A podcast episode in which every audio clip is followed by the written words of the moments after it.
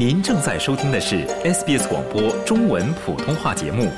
更多节目内容请浏览 sbs 点 com 点 au 闲斜杠 mandarin 或下载应用程序 SBS Radio App。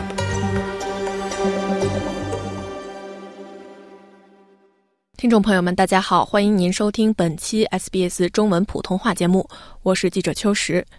一月十七日，中国国家统计局公布的二零二三年最新的人口数据显示，中国连续第二年出现人口负增长。与二零二二年相比，中国人口出生率下降，死亡率升高，导致人口数量进一步减少。在二零二三年出生的人口仅为九百零二万人，是二零一七年的一半，而死亡人数则达到一千一百一十万人。这意味着中国人口在二零二二年减少八十五万后，在二零二三年继续减少了二百零八万。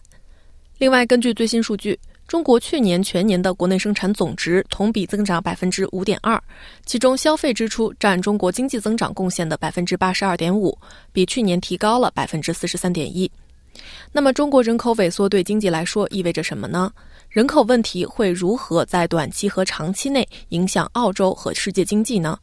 我们应该如何看待中国人口萎缩的问题呢？维多利亚大学政策研究中心的高级研究员彭秀建博士讲述了从经济方面我们应该如何看待这一问题。啊，那么经济方面呢，就是说，我觉得从两个角度来看吧。首先呢，就是说啊，二零二二年就中国人口第一次开始下降，对不对？那么二零二三年呢，这是第二次就是连续的下降。那么二零二三年的下降的幅度比第一年大了很多，就是从这个数量上啊，数量上就是量级上它是下了下降的很多，说明呢，对这个人口的，就是说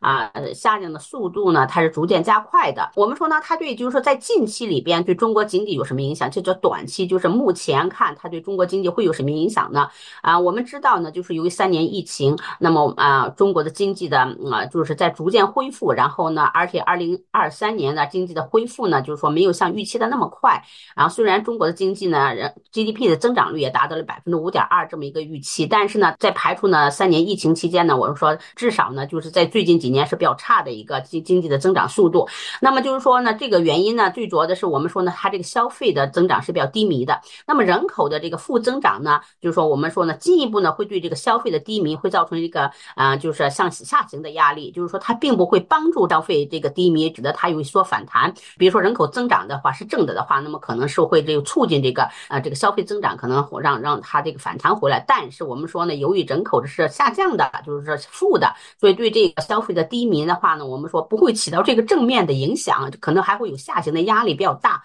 然后其次的话呢，我们说呢，由所以就像我们刚刚讲的，就是由人口的负增长，那么我们说呢，这个房地产市大家肯定非常关注中国的房地产市场，为什么呢？因为房地产市场在过去的那么十几二十年对中国的这个 GDP 的增长很大，对不对？贡献很大，而且呢，它呢对地方的财政收入当中呢占的比重也很大啊。虽然我们认为这个中国以前的这个房地产是过热，所以政府呢一直在出台政策，就说那个打压就是房价，不让炒房，对不对？这几年就说那个啊啊，这个房地产市场是很低迷的，那么。人口的负增长呢？给的信号就是以后这个房地产市场就是像以前这种对房子的快速需求这个增长不可能会再有了，因为人口都在负增长了。那你觉得还会有人不断的就是增加这个，就是说不断的要买房子嘛？就是人都不断在减少，所以呢，而且呢，对这个投资者也是一个信号，就是说对投资者来说，人口负增长，他们就想着 OK，房地产领域的投资，他们利润回报可能会比以前会低很多，所以他们可能会要重新要选择新的投资的方向。所以我认为呢，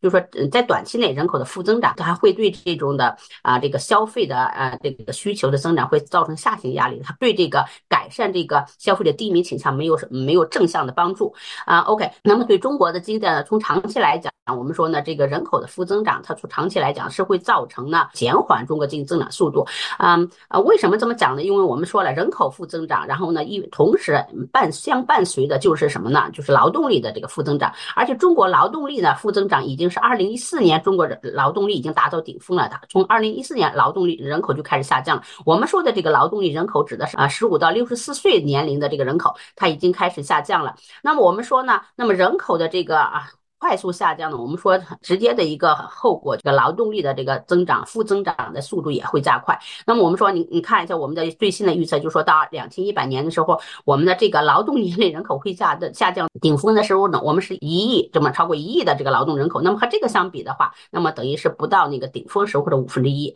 那么我们说人口的这个就劳动力的这个负增长的话，直接会减低呢，就减慢呃这个经济增长的速度。为什么？因为我们讲了劳动资本还有这个土地是生产要素三 三三个生产要素之一，那么它是个负的增长，那么它对经济增长的这个贡献就是负的，所以它会减缓经济增长的速度。那么另外一方面，我们讲呢，从长远讲，为什么还会减慢这个经济增长速度？是因为呢，我们讲呢，因为伴随着这个人口负增长的呢，还有另外一个就是人口的这个老龄化，而且如果人口负增长速度加快的话，我们我们说这个老龄化的速度也会加快。那么在这种情况下，我们说呢，那么如果这个整个社会变得是一个老龄的社会的话呢，那么它对这个，就是说我们说创新呐这种的啊技术进步的话，这种的速度可能会就减缓。那么这样的话，影响到了生产率的提高。我们讲在中国的这个快速增长经济增长时期呢，劳动生就这生产率啊，不光不光是劳动生产率了，我们说或者是全要素生产率，它对经济增长做出了很大的贡献。而且我们中国的话呢，就是说，嗯，在前比如说二三十年，它的经济经济增长当中，那么全要素生产率呢达到了比如说百分之三左右的年平平均的增长。那么这个是因为我们在我们说的就是赶超，就是 catch up 呃 growth。我们这个讲的就是说我们在那个用我们中国呢，哇，开放以后呢，就是说我们迅速的吸取世界的这个先进的这个技术，然后我们有个赶超的过程，所以我们生产率提高的很快。但是我们说呢，中国经过这么多年的这个快速的赶超呢，那么它在很多的技术方面，它已经到了前沿了。这个赶超的这个增长的话呢，它这个范围就越来越小了。那么呢，要依靠自身的这个技术进步来促进增长。那么由于老龄化，我们说呢，那么依靠这个自身的技术进步的话呢，那么如果人口年龄比较老化的话，它这创新啊等等的，我们说就相对年轻的人口的话，可能相对会减弱。所以这个方面的话呢，也会呢影响到这个经济的增长。呃，您刚才提到了很。多关于中国经济方面嘛，那中国作为在世界经济上非常重要的参与的一环，那中国人口萎缩对澳洲和世界来说会意味着什么呢？对，我觉得这个问题很好，因为呢，就是说，啊，中国的话呢，现在啊，就根据二零二三年公布的这个 GDP，那么中国呢，这个 GDP 它占到了世界经济的百分之十八，就它的份额是百分之十八。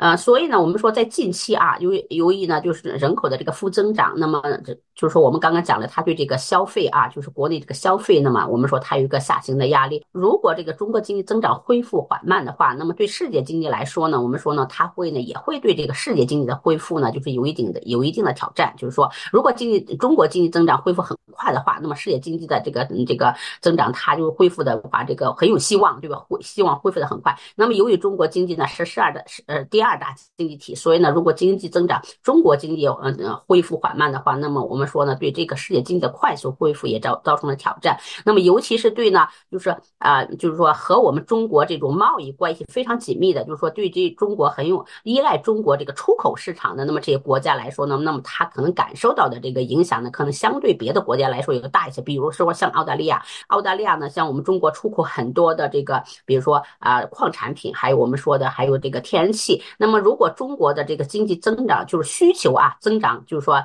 减慢的话，那么那么显然的，我们中国的对这种澳大利亚的商品的进口的需求增长也会相对减缓。那么这样子的话，对澳大利亚的出口呢就会造成一定的影响。所以我们讲的，这就是说为什么我们说呢？对这些资源出口型的国家，尤尤其依赖中国市场的资资源出口型国家来说呢，那么中国经济恢复缓慢的话，可能会它对他们造成影响，相对来说啊，感受的会大一些。这是从短期来讲。那么从长期来讲呢，那么中国的话呢，如果就虽然人口增长啊，就是啊人口的负增长会减缓未来中国经济的发展，我们说呢，未来中国经济在发展可你你不可能看到中国会有这种的。超过百分之十、超过百分之八的这种的经经济增长速度，就像二三十年以前那样子的。我们说呢，中国的经济增长呢，未来的话，你可能看的是在一个低的增长范围，比如说在百分之三到百分之五年均啊，百分之三到百分之这么一个范围内运行。那么这个会变成一个常态。那么如果中国可以就是说啊，尽快的调整它这个负增长、人口负增长和这个老龄化的这个环境，这个这个人口的新的人口现象的话呢，我们中国还可以维持这种啊每年的啊三到五的增长，我觉得是一个已经非常。好的一个成绩。然后呢，如果在这种如果中国可以维维持这样子的经济增长的速度的话，那么它对世界经济增长的贡献和。二三十年相以前相比，我们觉得不会有什么改变。同样的，它不会就是说啊，我们人口负增长，我们经济减缓了，我们对世界经济增长的贡献就会下降，并不是的。为什么这么讲呢？那么我们看一下，就是说在之前，在二三十，就是说在中国高速经济增长时期，比如说百分之十的这个经济增长率的话，那么当时中国经济呢嘛，它在世界经济份额并没有达到现在的百分之十八，然后呢，只有可能百分之十左右。那么我们说百分之十，你乘一个呃乘一。一个当时的一个百分之十的增长，那么它对世界经济增长贡献每年是百分之一。那么我们未来的话呢，如果经济增长，中国的经济增长能维持在百分之三到百分之五，那么如果它中国的经济的话占世界经济份额达到百分之二十，你百分之二十乘一个百分之五，同样还是百分之一，就是说它还是一个百分之一的对世界经济还是一个百分之一的嗯贡献。所以我们讲呢，就是说未来即使中国人口出现负增长，那么它的经济增长放缓，就是说嗯比以前缓慢的话，同样它它对事业经济增长的贡献，并不会像像大家想象的会，就是说。会影响到世界经济增长，它还是同样的跟以前一样对世界经济增长的贡献。呃，很多人认为呢，就中国如果负人口负增长的话，中国的话这个啊，就是说它的经济的增长可能就会啊减慢很多很多。然后呢，中国就说是不是马上就是没有希望了？然后还有说中国对世界经济马上就是是不是一个非常悲观的这个？我就觉得这个并不是的，因为中国毕竟是一个十四亿人口大国，它虽然人口在下降，但是它是一个缓慢，就是说它需要很多年的，就是说。很多年的一个下降的过程，对不对？那么至少在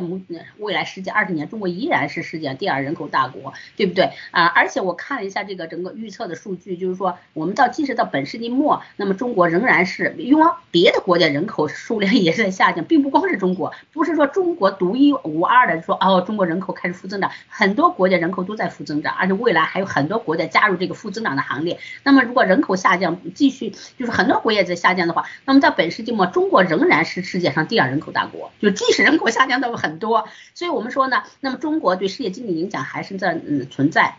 然后但是呢，我们说了这个影响的话，并不会因为人口的负增长而减弱，因为中国它呢就说可以不断的进行对对这个负增长的这个环境面对这个环境呢和它在这挑战进行调整，然后出台相应的政策，那么中国还可以维持到三就是每年三点三到五的这个增长率，那么它对世界经济增长贡献仍然会像以前一样。